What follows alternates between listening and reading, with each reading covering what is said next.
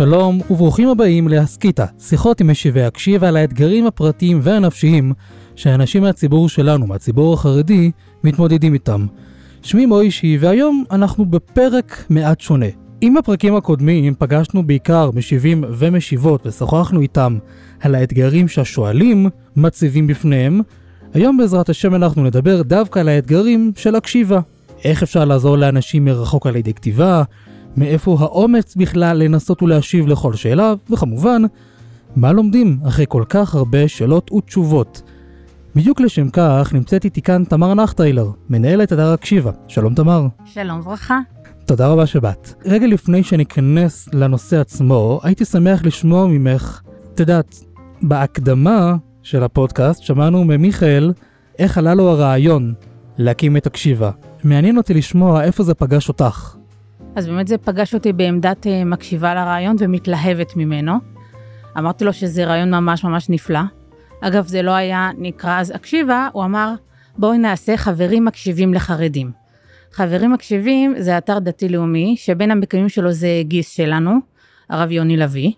אז משם היה רעיון, הוא אמר בואי בוא, בוא נעשה חברים מקשיבים לחרדים. אמרתי, רעיון נפלא. וזה היה רעיון טוב, אבל בכלל לא הרגשתי שהוא קשור אליי בשום דרך. אחרי כמה ימים שהתחילו דברים להתקדם, אז באמת מיכאל שאל אותי, היית רוצה להשתתף גם במיזם הזה? ואני זוכרת שחשבתי לעצמי, אם הוא היה מכיר אותי באמת, הוא לא היה שואל אותי את זה. כי מה הקשר אליי בכלל? וואה. אבל אז אמרתי, טוב, איזה יופי שהוא לא מכיר אותי, אז uh, אמרתי לו, בטח. בטח, אבל לא לכתוב, אני רוצה לבקר תשובות של אחרים. הוא אמר, או, oh, אוקיי. יופי, באמת uh, טוב, תמיד צריך uh, עורכת uh, לכל uh, משהו שאנשים כותבים. וכמו שאומרים, והשאר היסטוריה.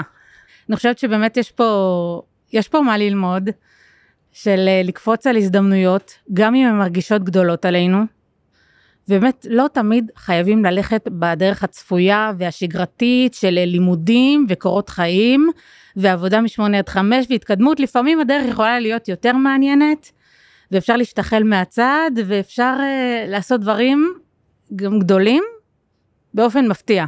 אז חשוב לנצל הזדמנויות וגם ליזום אותם.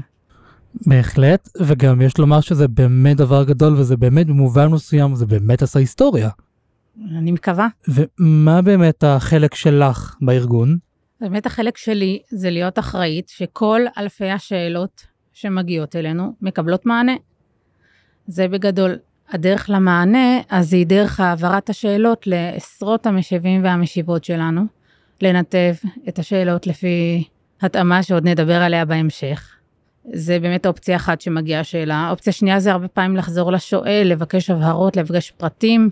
ואם השאלה אי אפשר להבין ממנה מה, אז צריכים לכוון את השואל בשאלות. כמו למשל, הוא כותב, רע לי אני מרגיש בודד וזהו, ואז... כן, כן, ואז ממתי אתה מרגיש ככה, מה בפועל קורה, מה ניסית לעשות עד היום כדי לעזור לעצמך, לעשות את פתח לו. וזה עוזר, אנשים חוזרים אלינו, ואז אפשר, ואז אפשר להתחיל אה, לחשוב על איך לענות לו. אבל זה הנקודת מוצא. באמת עוד אופציה זה לענות בעצמי. Hmm. וכשזה באמת, כשהשאלות, יש שאלות מאוד מאוד דחופות. אני לא יכולה לחכות שאני אפנה למשיב, הוא יגיד לי כן או לא, ועד שהוא יענה תשובה, זה דברים שצריכים לענות באופן מיידי. כמו מה למשל, אם אפשר לשאול? שאלות שהן מאוד מאוד קריטיות, שאלות שיש עניין של זמן, למשל, בחורה, היום אני בפגישה רביעית, אני לא יודעת אם לסגור שכך וכך, זה, של, זה סוג אחד של שאלות. או באמת שיש מצוקה מאוד מאוד חריפה, שאני חושבת שחייבים לתת מענה ראשוני מיידי. אולי בהמשך יהיה עוד, אבל שמענה, שצריך לקבל בו ביום תשובה. או כן, מעניין. כן. לפעמים גם כי פשוט מדגדג לי באצבעות לענות, זה גם עוד אופציה שיכולה להיות למה דווקא אני עונה. כי זה בנושאים באמת שהם יותר מדברים עלייך. כן, יותר... או שהשאלה דיברה אליי, כן, הרגשתי שאני, שיש לי מה לומר ואני רוצה לומר. מעניין, כי אם את אומרת שיצא לך גם לענות על שאלות, אז תוכלי אולי לשתף אותנו ב, ב, בתהליך שאת עוברת במהלך כתיבת התשובה? כן, באמת אז יוצא לי לפעמים לענות לכמה שאלות ביום. התחושה שלי היא באמת שיש, שיש לי סייעתא דשמיא גדולה, כי הרבה פעמים אני כותבת, שלום לך שואלת יקרה, ואין לי שמץ של מושג מה הולך להיכתב פה. או ואחרי איזה רבע שעה, וואי, מישהו כתב פה איזה 200-300 מילה. אז אה, לפעמים עכשיו באמת שהקדוש ברוך הוא שולח לי את המילים. וכשאני באמת כותבת תשובה, אני חושבת על, ה, על המעבר, על ההנחות היסוד שהביאו לשאלה, אוקיי. על השאלה שלא נשאלה. אני רוצה להאיר באור חדש את הדברים, לתת חידוש, לתת משהו משמעותי. שזה אומר, נגיד, לא רק לשקף את השאלה, או לא רק אה, להגיד, אה, את צריכה דחוף ללכת לטיפול. כי מתוך האנשים שאנחנו רואים להם את זה, אז אולי 10-20 אחוז עושים את זה בפועל. אה. אני רוצה שתהיה תמיד ערך מוסף נוסף על ההמלצה המאוד מאוד חשובה הזאת, שאנחנו עושים אותה המון, אז אה, לתת עוד משהו ש... שאפשר לעשות איתו איזה עבודה. באמת זו תחושה של אה, סיפוק מאוד מאוד גדול. יש עוד פורמט שאנחנו עונים בו, שזה הצ'אט שזה הצ'אט. אונליין, שאז ההתכתבות מיידית, אז מיד מקבלים את הפידבק. ובאמת שמה אפילו התחושה של הסיפוק היא יותר גבוהה, כי אתה מיד מקבל, אתה יודע שקרה פה משהו. בגדול באמת מאוד במענה שלי, אני מאוד מאמינה ב... בלשאול שאלות טובות. שאלות טובות, שאלה טובה זה משהו שפותח לך ערוץ חדש במוח, שלא חשבת עליו. למשל, אם עכשיו אני שואלת אותך, למה אנחנו לא הולכים על הידיים? מה שעולה לך בראש, זה מישהו הולך על הידיים. לא משנה מה התשובה, זה כבר דמיון שנפתח לך בראש. אז גם כשאנחנו שואלים שאלות, אנשים שגם אם אין להם תשובה עליה, עצם השאלה עשתה משהו. עצם זה, אני באמת חושב שזה באמת גם אחד היתרונות כמישהו שקורא את הקשיבה ולא שלח בו שאלה, אז ברגע שאני קורא את התשובה, אני מרגיש שיש לזה גם ערך מוסף גם כלפיי. כי המשיב כותב, והוא שואל שאלות לצורך העניין, אה, תברר עם עצמך איפה הדברים נוגעים, או אה, מהן המטרות שלך בחיים, למשל. עכשיו, זה לא רק שהמשיב שאל את השואל מה המטרות שלו בחיים, אלא גם אני נשאלתי על ידי המשיב מה המטרות שלי בחיים. ולכן באמת יש לזה ערך מוסף כזה גדול. כן, אני חושבת הרבה על השותפים הסמויים, על הקול הקוראים, זה...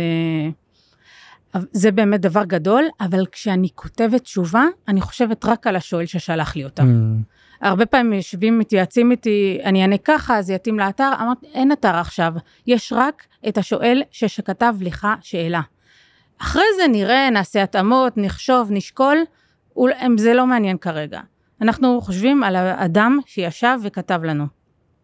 שגם בשביל זה גם האתר הוקם בסופו של דבר, כדי כן. לתת מענה לשואלים ולא לספק אה, בידור, אם תרצו, לא, או אפילו לא בידור, אפילו עזרה עצמית לקוראים. זה באמת אה, ערך משנה, שהוא מאוד משמעותי, יש לנו מאגר נדיר ועצום שאין כמותו.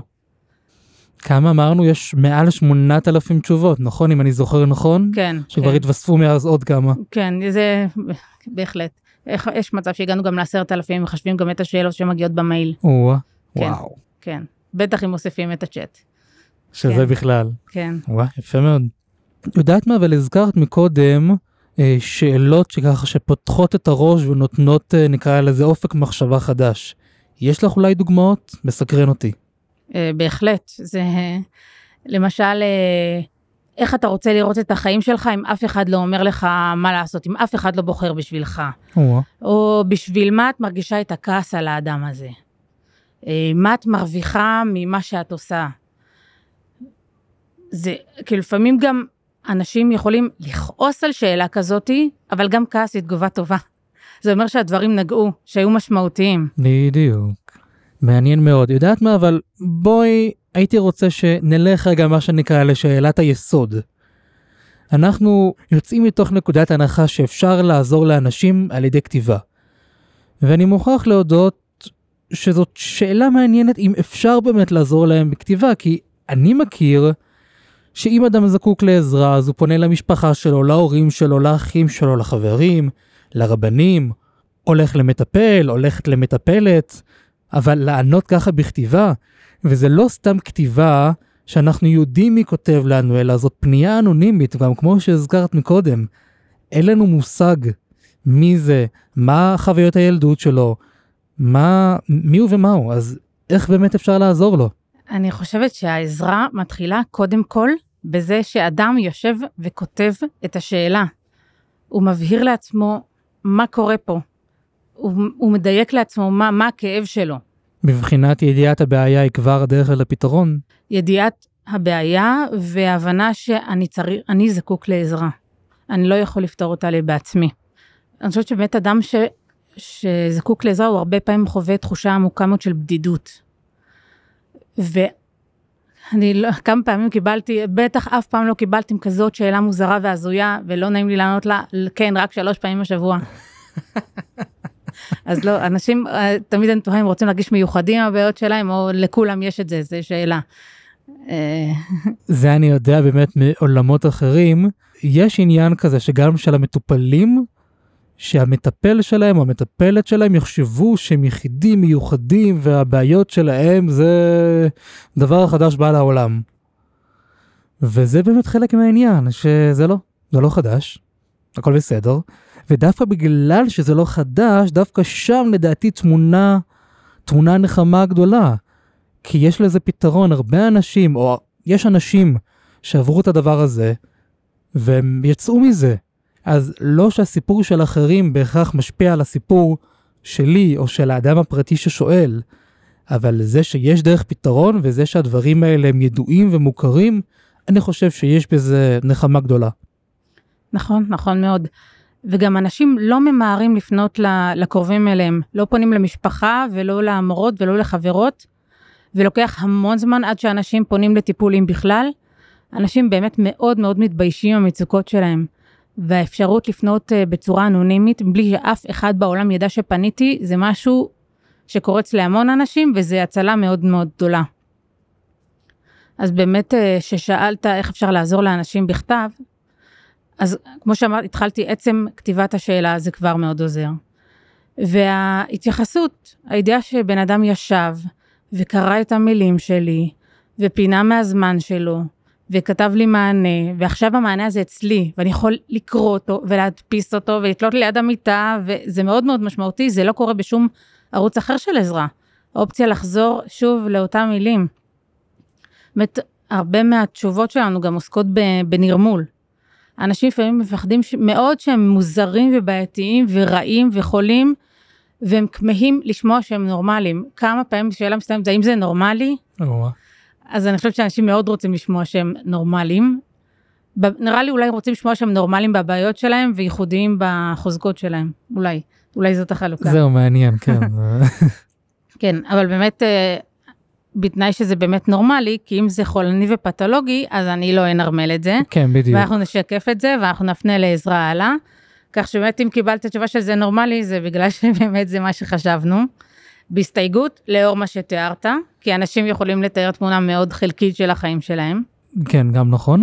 אבל מצד שני, זהו, יודעת מה, אני, בואי נתעכב רגע לנקודה הזאת. כאילו, למרות שזה אנונימי, ואף אחד לא ידע שזה אותו אחד, למרות זאת לאנשים יש צורך לשייף, לעגל את המציאות. למה? הרי אדם בסוף, אדם פונה כדי לקבל עזרה. אז איך הוא יקבל עזרה אם הוא לא בדיוק ישקף את המציאות הבעייתית?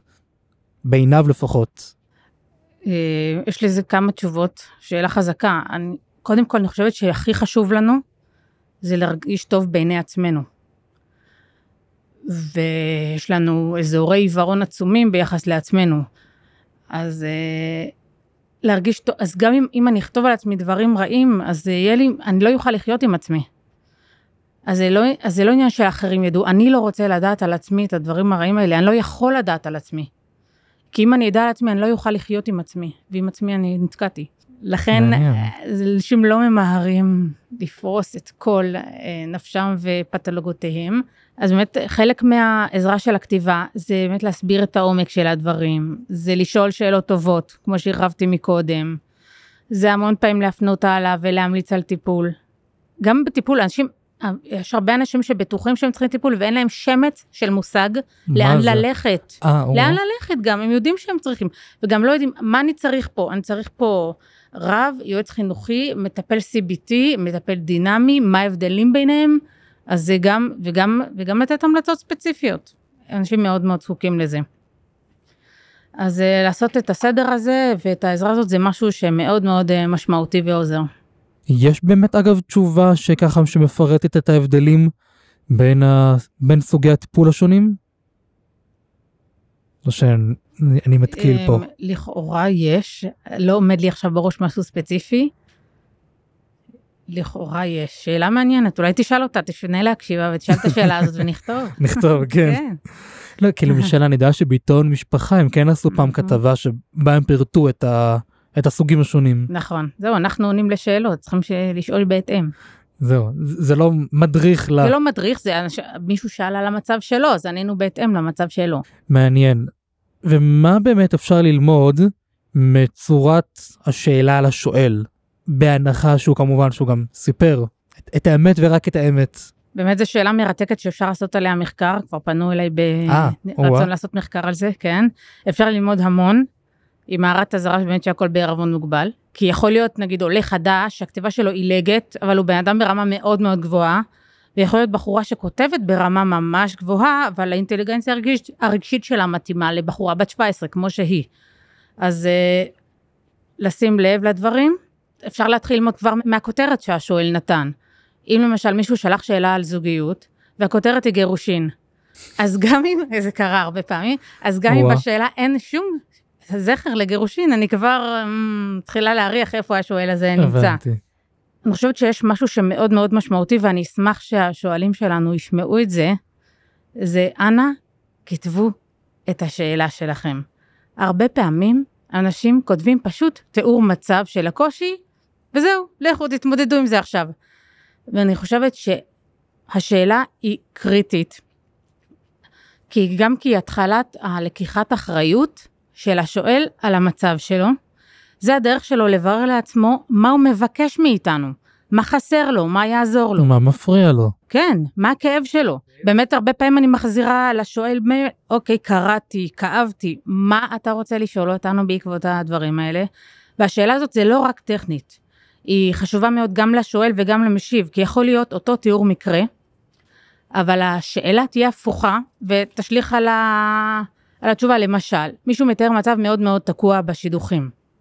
אומר אין הצעות, וגם כשיש לא קורה כלום, וכולם עונים לי תשובות שליליות, אז עכשיו אחד יגיד, אה, ישאל בעקבות זה, איך אלוקים עושה לי את זה? השני יגיד, מה אני עושה בפועל כדי שיהיה לי יותר הצעות? השלישי יגיד, מה זה אומר עליי שאומרים לי לא? יש עשרות אפשרויות מה אתה שואל בעקבות אותו מקרה. אז השאלה הזאת היא דבר מאוד מאוד חשוב. נכון. זה גם באמת מבחינה קונקרטית. מה אתה רוצה מאיתנו? איך אנחנו יכולים לעזור לך? ויותר מזה גם אני חושב שבזה שאדם אומר, תקשיב, הוא כואב לי כך וכך, זה עצמו כבר לקיחת אחריות. כי בזה שהוא מספר את המקרה, ואז אנחנו כאילו נבוא, תקשיבה, תבוא ותנסה להציע לו פתרונות וכיווני חשיבה, אז הוא יכול לומר, לא, זה לא נראה לי, אני לא חושב, ובאיזשהו מקום, האחריות לבעיות שלו, הוא מנסה כאילו להפיל על הקשיבה. באמת עוד דרך אה, ללמוד על השואלים קצת זה, אני חושבת שאלה שמתחילים בהכרה טובה, אני חושבת שיש לי הרבה יותר תקווה שהמענה שלנו יעזור להם. או-אה, כן? כי יש להם כבר אמון בתהליך, אמון בתשובות, יכולת לראות טוב, יכולת לקבל. זה כבר פתיח טוב. לתהליך אמיתי. יש עוד דברים שאפשר ללמוד, כמו כמה סימני שאלה וקריאה האדם שם. אה, למרות שזה גם כן. לא בהכרח על... אה, זה גם כן, סתם עניין של איזה צורה, אבל... מצוקה גם. כן. כן, זה מראה, אפשר ללמוד את המנגינה של הדברים, מהסימני פיסוק. שוב, הכל בערבון מוגבל, אבל זה לשים לב, כדאי לשים לב. גם הרבה פעמים השאלה יכולה להיות אה, רצף האשמות על אדם אחר. מבלי התחלה של מחשבה האם יש לי חלק במה שקורה פה. לכן באמת במקרה כזה גם עיקר התשובה תעסוק בזה, להחזיר את המיקוד פנימה. זה מעניין, כי אני באמת חושב שגם אני נתקלתי בכל מיני ככה שאלות, ובעיקר בעיקר גם תשובות באתר, שאני חושב שזה היה בזוגיות, שאחד מבני הזוג מאוד התלונן על הצד השני, ולא כל כך, לפחות מבין, לפחות הוא לא כתב, איזה צעדים הוא מבחינתו אה, מתכוון לעשות כדי לשפר את המצב הקיים. ואם אני זוכר נכון, אז המשיב או המשיבה, אני, סליחה שאני לא זוכר, אז כן ניסו להחזיר אליו את האחריות ולשאול אותו מה הוא, מה הוא יכול לעשות. כן, כי לנו יש עסק רק עם מי שפונה אלינו, לא עם הצד השני. נכון? אין לנו עסק איתו. זה מבחינתנו זה נתון. אני מציעה גם לאנשים אחרים לראות ככה בחיים שלהם, את החסרונות של השני כנתון בחיים שלנו, בדיוק, ולא כדרך לנסות, משהו שאפשר לשנות. בדיוק. אגב, אני יודע שגם אה, בטיפול, לצורך העניין, מי נמצא בקליניקה עכשיו? המטפל והמטופל, לא אנשים אחרים, ולכן יעסקו במטופל, אולי גם יחסי מטפל מטופל, זה כבר עניין לפרק אחר, אבל מה שנמצא, מה, שנ, מה שנקרא, אין לו לדיין אלא מה שעיניו רואות. בהחלט. ועם זה אנחנו מתמודדים. תוכלי אולי לשתף אותנו קצת בהתלבטויות סביב אה, ניתוב השאלות למשיבים או משיבות? אה, בהחלט, זה נע באמת בין ההיכרות שלי אותם לאורך השנים, לבין אה, ניסוי וטעייה, לבין אה, טעויות מביכות או הצלחות אה, טובות. הצלחות מקריות כאילו. הצלחות כן, כי שלחתי שאלה למישהו, והוא אמר לי, וואו, אני עוסק בנושא הזה מאוד, יש לי ניסיון נפלא עם זה. אה, טוב מאוד ששלחת לי את השאלה הזאת, זה יפה. רגע קטן של אושר, כן. מעניין. כן. באמת יש דילמות סביב זה. למשל, האם לתת למשיב שמתמודד עם אותו עניין שאלה בנושא הזה? האם לתת אה, שאלת שידוכים למשיב שהוא רווק? לתת למשיבה גרושה שאלות בענייני גירושים?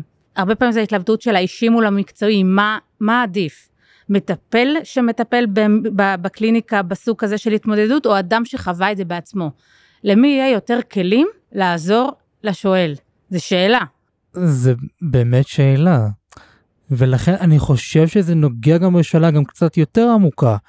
כי התשובה שהקשיבה רוצה לתת, האם היא תשובה שהוא יותר, נקרא לזה בסגנון טיפולי, זאת אומרת, יש אמפתיה, ועם כל האמפתיה, אלה הכלים שלך, או תשובה שהיא יותר, נקרא לזה חברית, באיזשהו מקום. כי מישהו חווה, מטבע הדברים זה יהיה קצת פחות בגוון טיפולי ויותר בגוון חברי. או בגוון של הייתי שם, זהו, גם הייתי שם זה מלכודת שצריך להיזהר, להיזהר מאוד, מ... אני יודע בדיוק מה אתה עובר. זה משהו שמאוד צריך להיזהר בו, אנחנו לא יודעים מה הוא עובר, כי בדיוק. כל אחד עם האישיות שלו ועם הילדות שלו ועם החוסן שלו והכוחות שלו, אנחנו לא יודעים מה אחרים עוברים, אנחנו יכולים אולי לפעמים קצת להרגיש דברים שיכולים לעזור לנו בלהבין אותו יותר, ב... בלתת אה, מילים יותר מדויקות בשבילו, ואנחנו לא יודעים מה הוא עובר. נכון, אפשר לדמיין, אפשר אה, להרגיש קרוב, ובסוף אנחנו לא הוא, ואת הכאב שהוא מרגיש, אין מה לעשות, אנחנו לא נוכל להרגיש. וכן להפך, במידה מסוימת יש בזה משהו מאוד בודד, אני מוכרח לומר, שכל, שכל אדם עם הכאב שלו לעצמו, אבל זה חלק מתהליך הגדילה. לאו דווקא לעצמו, רק כאחרים אנחנו לא יודעים בדיוק מה השני עובר. אנחנו עדיין יכולים לעזור הרבה אחד לשני. לפעמים יותר, כי מה שעזר לי זה לא מה שיעזור לך. אולי, קצת, חלק, יכול להיות שזה יעזור גם לך. אבל לא ב... אני יודע בדיוק מה אתה עובר ואני יודע בדיוק מה אתה צריך, לא עם הפטרונות הזו. של המתכון 1, 2, 3. כן, כן, זה מה שעשיתי ועכשיו תורך. כי זה באמת, כי מה שעוזר לאחד לא בהכרח יעזור לשני, זה... אין... אה, אין כללי אצבע, במיוחד בדברים האלה. כמובן, כל נושא והעניין שלו, כי הקשיבה מכיל מגוון רחב של נושאים. אבל אה, כן, זה מורכב, ובשביל זה אנחנו פה. אז באמת עוד התלבטות שיש לי, זה אם כשמשיב אומר, גדול עליי השאלה הזאתי, האם לדחוף להגיד כן כן אתה יכול, או בסדר גמור נעביר הלאה. זה התלבטות. כי הרבה פעמים, אני זוכרת שגם אביאל אמר את זה בפרק שלו, שהיה איזה שאלה שהוא אמר גדול, ואמרתי לא לא זה בסדר, נכון. וזה היה לו ממש ממש טוב. ולעומת זאת זה יכול להיות חוויה אחרת לגמרי. אז אה, באמת אה, זה לנסות להרגיש אם זה קריאה לתדחפי אותי שאני אצליח, או שבאמת אין לי קשר לזה, זה, זה לא בתחום שלי. לשים לב באמת לניואנסים, או לנסות להבין יותר מה הקושי עם השאלה המדוברת. זאת אומרת שאם אני מתרגם את זה, יש גם עניין של... יש גם עניין גם של יכולות להבין לא רק את השאלות או את האמרות של השואלים, אלא גם את האמרות של המשיבים. אה, בהחלט, זה תחום שלם בהקשיבה, זה, יש תחום כזה בכלל שלומדים אותו, קוראים לזה ניהול מתנדבים. זה משהו, זה משהו רציני. או, תוכלי אולי גם לשתף אותנו לגבי ההתלבטויות של שיתוף או פרסום השאלות והתשובות באתר, מה מפרסמים, אם אין חשש אולי לחשיפת פרטיות. כן, באמת כשאתה שולח שאלה, אז יש מקום שאתה מציין בו אם אתה מסכים שהשאלה שלך תתפרסם או לא. אה, אוקיי. אוקיי. ויש הרבה דברים שאנחנו לא מפרסמים, גם כשהשואל אישר לפרסם. אז כי יש נושאים שאנחנו לא מעלים לאתר, שרק השואל מקבל תשובה במייל. Mm, אוקיי. ויש דברים שאני מרגישה שזה כבר מוגזם מבחינת חשיפה, אז אפילו שהשואל אישר אז אני לא מעלה. זה מוגזם כי זה יותר מדי אישי מבחינתו. כי זה מלא מלא פרטים, כי זה ממש מסכן אותו מבחינתי. הבנתי. וגם יש עוד התלבטות של אה, נושא שנקרא חטאים. פעם מישהי אמרה לי, וואו, זה ממש עושה לי, אני חושבת שזה כזה מקרר אותי, שאני קוראת על אנשים אחרים שחוטאים. ולקחתי את זה מאוד מאוד ברצינות. כי כשאתה קורא משהו, אז כזה הראש שלך, אוקיי, אז יש פה אופציה. וואי, אני צדיק ולא עושה את זה, אבל יש פה אופציה, אנשים עושים את זה, אנשים... מצד שני, זה... זה שאלות גדולות וחשובות שיש עליהן תשובות נפלאות. האיזון שהגעתי אליו זה כן לפרסם, אבל בלי פרטים עסיסיים יותר מדי, להוריד את ה... את ההילה אולי סביב, הח... כן. סביב החטאים כאילו. כן, כן, כן. מעניין. סתם ככה, יש באמת שאלות שחוזרות על עצמן, או נושאים שחוזרים על עצמם, נקרא לזה הנושאים שהכי מטרידים את הציבור שלנו? כן, המון. מסתבר שאנשים מאוד זקוקים לאהבה. או, או. והנושאים הכי דומיננטיים זה שידוכים וזוגיות, בי פאר. או-אה. כן, או-אה. בפער. באמת בתוך שידוכים יש המון שאלות דומות. על התלבטויות, ועל מראה חיצוני, ועל אכזבות, וייאוש, ועל פחדים וחששות, הרבה שאלות שחוזרות על עצמם. בוא נגיד, כשהם מצליחים להפתיע אותי, אני אומרת, וואו, זו שאלה שעוד לא ראיתי. זה חדש. זה לא קורה המון. זה לא קורה המון. כן. באמת, אה, בזוגיות זה יותר מורכב. הייתי מחלקת את זה לפתולוגי וייעוצי. אוקיי. באמת, בפתולוגי זה יותר המקרים שיושבים על הפרעות, ממש על אה, דברים מאוד מאוד קשים, לעומת אה, ייעוצי שזה, שזוגות שחיים טוב, ומתוך זה יש שאלות, ורוצים לחיות יותר טוב, שאלות של דינמיקה זוגית. מה הכוונה פתולוגי? כאילו איזה מישהו שכותב על עצמו שיש לו מה שנקרא הבחנה מאבחנות ה-DSM? אה, לא, שכותבים על השני, כמובן. אה, הבנתי, כמובן. בעלים, הפרעת אישיות. אה, משליכים. אשתי, כן. טוקסיסטית, בטח. הבנתי, אוקיי, אז זה באמת כבר... אה, כן. רגע, ובאמת במקרים של פתולוגיות, אז כמו שאמרנו, אז שולחים את זה לאנשים שמתעסקים, למטפלים כנראה כן, שמתעסקים כן, בפתולוגיות האלה. כן, בהחלט, ואני מאמינה שאפשר לעזור לאנשים. גם כשיש פתולוגיות חמורות, לעזור לחיות קצת יותר טוב. קצת יותר טוב זה הרבה. זה, אני מראש להסכים לעזור לאנשים גם ב-5% ו-10%, אני חושבת שזה המפתח אה, באמת, לא שאם לא עשינו לו את החיים מאושרים אז לא שווה כלום, אלא אם יש משהו עכשיו שקצת יותר נושם לרווחה, אז זה אה, דבר גדול מבחינתי. וואו. באמת היה לי דיון עם חברה משבעה, מה זה סיפור הצלחה? מה נחשב סיפור הצלחה מבחינת תשובה? מעניין באמת. זו שאלה גדולה. האם סיפור הצלחה זה בהכרח אה, ששואל חוזר אלינו עם אה, פידבק של וואו, תשובה מדהימה, עשיתם לי סדר בראש, החיים שלי עכשיו מאושרים. תודה רבה, התחתנתי, סוג כן, של הבטחתי ונושעתי. כן, יש דברים כאלה, אה, אוקיי. כן, ושלחו את ההזמנה, כן. אה, יפה, כן, יפה מאוד. כן, יש כאלה שואלים חמודים מאוד. כן. זה למשל, יש סיפור מעניין, שדווקא של שואלת ששאלה לתיאור של אלימות במשפחה, בלי לקרוא לזה בשם הזה, ו... והיא כתבה לה תשובה כזו שהשואלת מאוד כעסה עליה, התנגדה לה, הייתה ממש אה, ברגשות קשים עם התשובה הזאתי, אבל שנה אחרי היא חזרה עליה ואמרה שזה הציל אותה. וואו. השיקוף הזה, המראה הזאתי, זה גרם לה לפנות לעזרה. אז גם הרבה פעמים אני לא חסידה גדולה של הבחנות בצורה הזאתי. אני לא חושבת שזה מקדם, אני חושבת שזה הרבה פעמים מקבע ותוקע, אבל לפעמים כשהבן אדם מבין שיש פה בעיה רצינית, זה לא הולך להיפטר מעצמו, ו- ויש איך לעזור לך, זה יכול לעשות שינוי גדול. מעניין, כי גם מה שנקרא בדקה הראשונה זה נראה שזה אולי רק הזיק, כי התשובה היא נכון? חוזרת הייתה מאוד עצבנית, כן. ווואו. כן, אבל כמו שאמרנו, לפעמים כעס זה אמירה שזה דברים נגעו בך.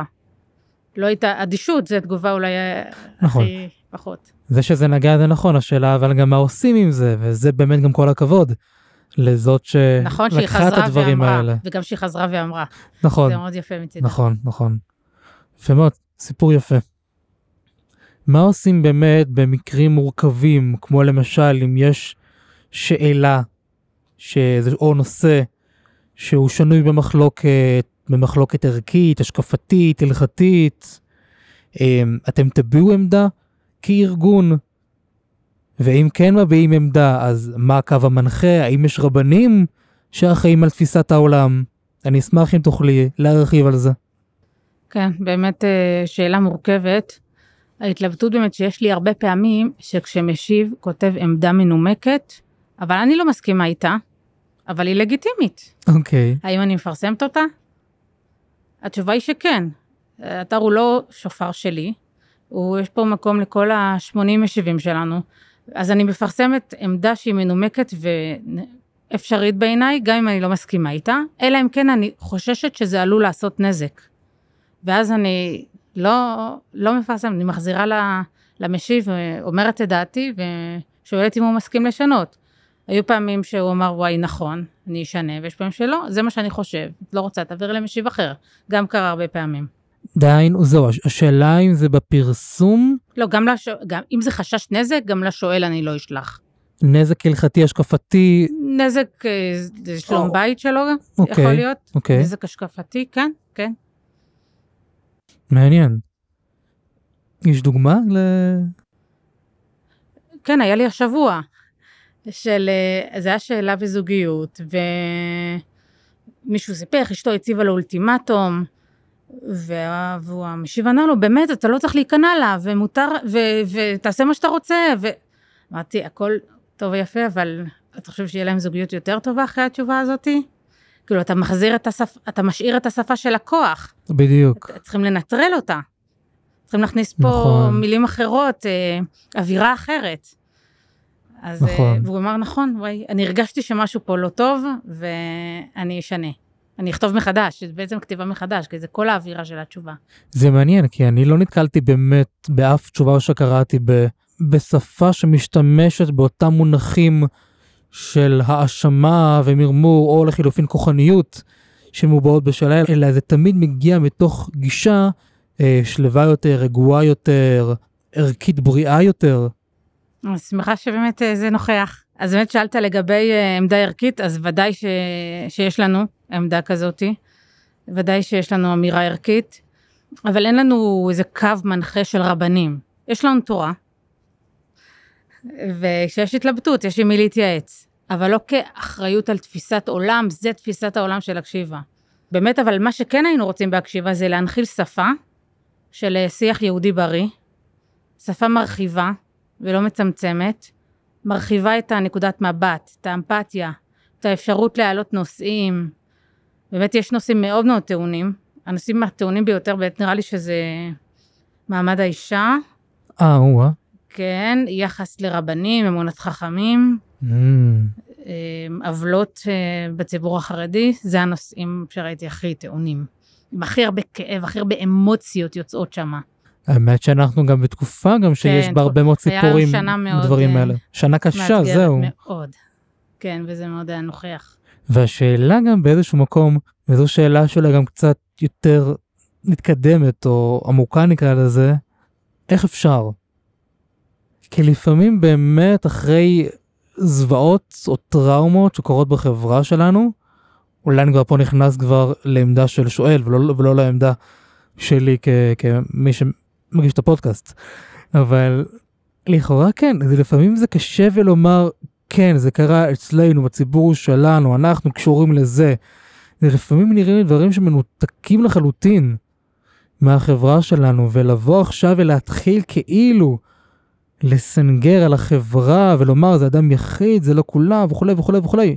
מה שעונים זו תחושה קשה קצת, לא? נכון, יש תחושה קשה. אנחנו מקבלים את זה מאוד מאוד קשה, מאוד עצוב ומאוד כואב. זה דבר ראשון. עכשיו מפה, מה, מה קורה מפה? זה עוד שאלה, מה עושים עם זה? צריך גם להתרומם מה... כן. אבל לא, לא, לא צריך להתרומם מיד, אגב, אפשר להישאר שם ככה זמן כן. ניכר. זה נכון. את יודעת, מי שסתם למשל כמוני נכנס לאתר ורואה אמרנו את אלפי השאלות ואת אלפי התשובות, יכול אולי בטעות לחשוב שיש לכל שאלה יש תשובה. והשאלה א', האם באמת יש תשובה לכל שאלה? ואם יש, אז מאיפה האומץ והביטחון העצמי לומר, כן, יש תשובה לכל שאלה? אז אה, אין תשובה לכל שאלה. אוקיי. ואנחנו גם לא אקשיב, אנחנו לא אשיבה, אנחנו אקשיבה. אוקיי, יפה. כן.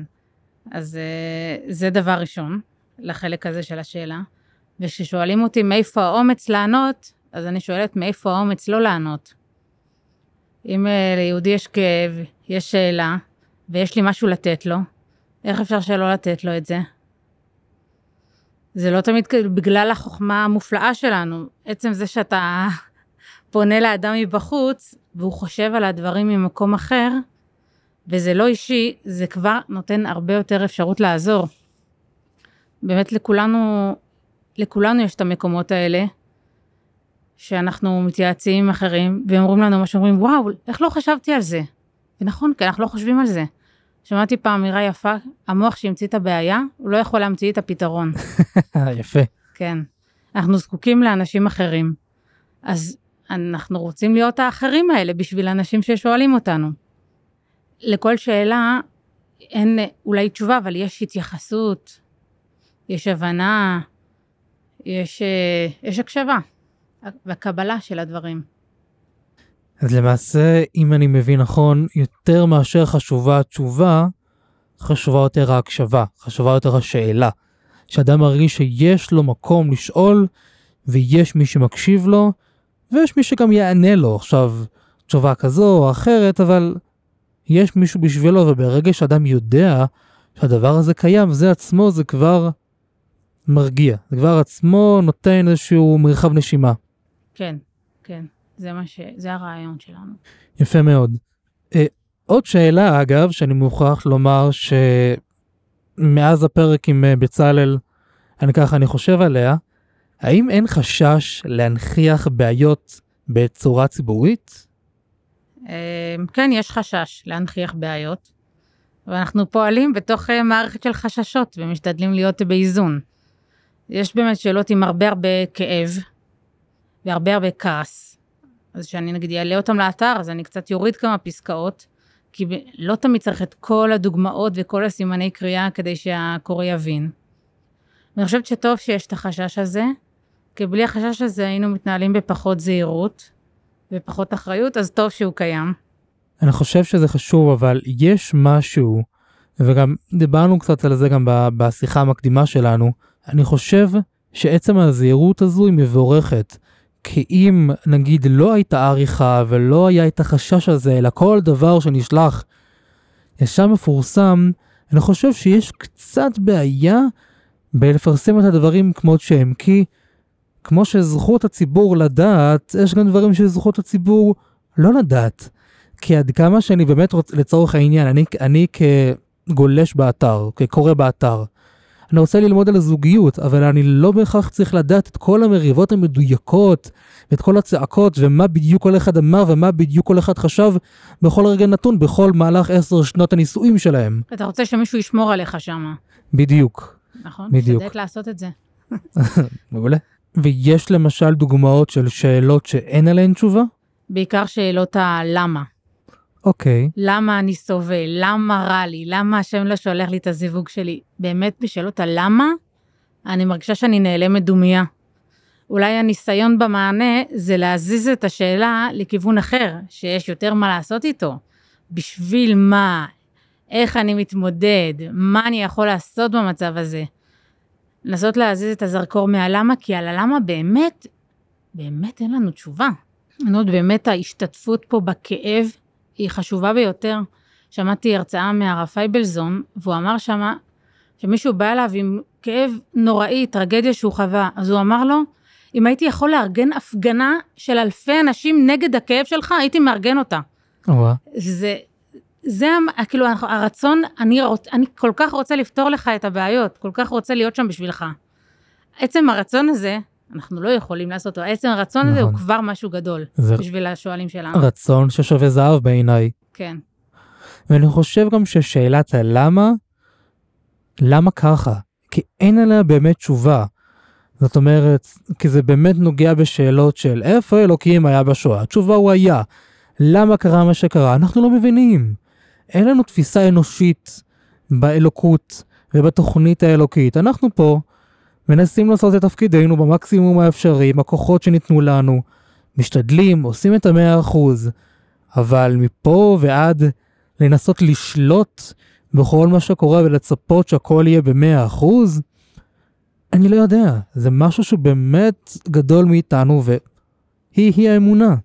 כן, ואני, ולפעמים לומר את זה לאנשים שהם בתוך הכאוס, בתוך טרגדיה, לא תמיד זה יכול לא- להישמע טוב.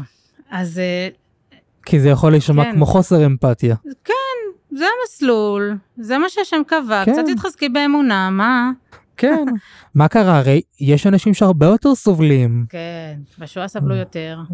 לא סובל את המשפטים האלה, כן. באמת שלא. מהמם, כי שוב, כמו שאמרנו מקודם, בסדר, הוא עם הסבל שלו, אני עם הסבל שלי. כן. כל אחד עם הסבל שלו. והסבל שלך ראוי למלוא ההכרה. בדיוק. זה שהוא סובל זה לא אומר שאני פחות צריך לקבל הכרה על, על, על הדבר הזה.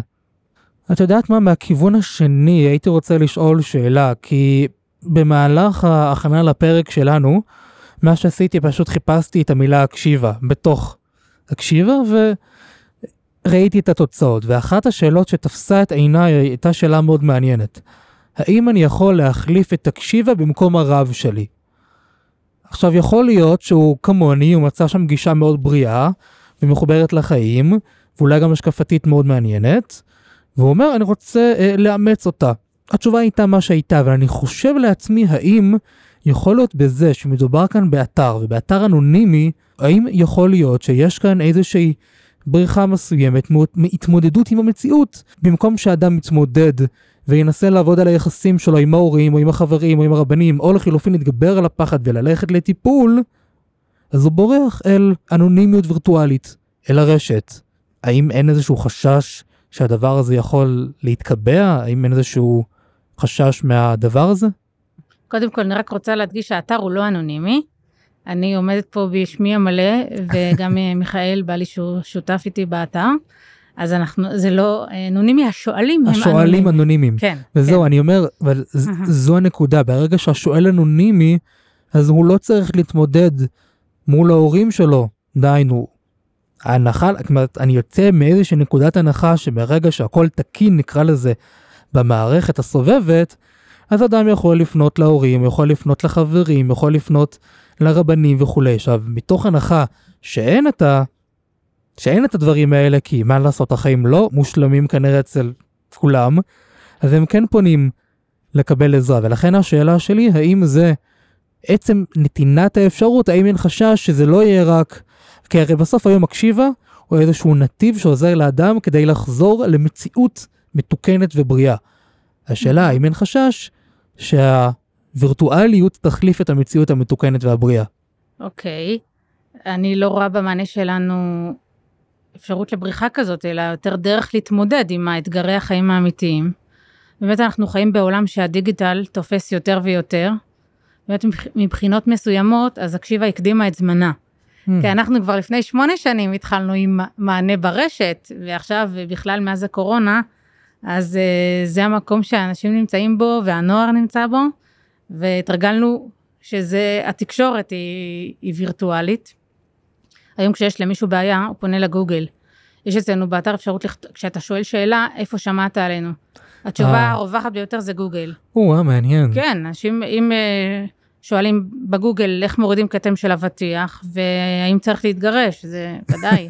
אז כששואלים בגוגל, ברוך השם מגיעים גם אלינו, ואז מעניין. שואלים אצלנו, כן.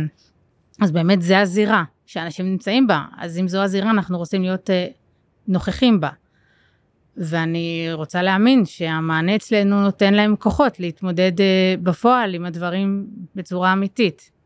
כן, ואני גם חושב גם שבסופו של יום, למרות שככה שהצגתי את החשש הזה בצורה ככה מאוד אה, בוטחת, אני כן חושב, בוודאי לפי מה שאני שומע גם מכם, גם ממך וגם גם ממיכאל, גם משאר המשיבים, שבסופו של יום, לפי הפידבק שאתם, שהמשיבים מקבלים, אנשים כן מצליחים לעלות על המסלול, כמו למשל, כמו שאת אומרת, התשובות שקיבלת, הנה, אה, הנה הזמנה לחתונה, הנה, או תודה רבה שהצבת לי מראה, וכל מיני מיילים כאלה.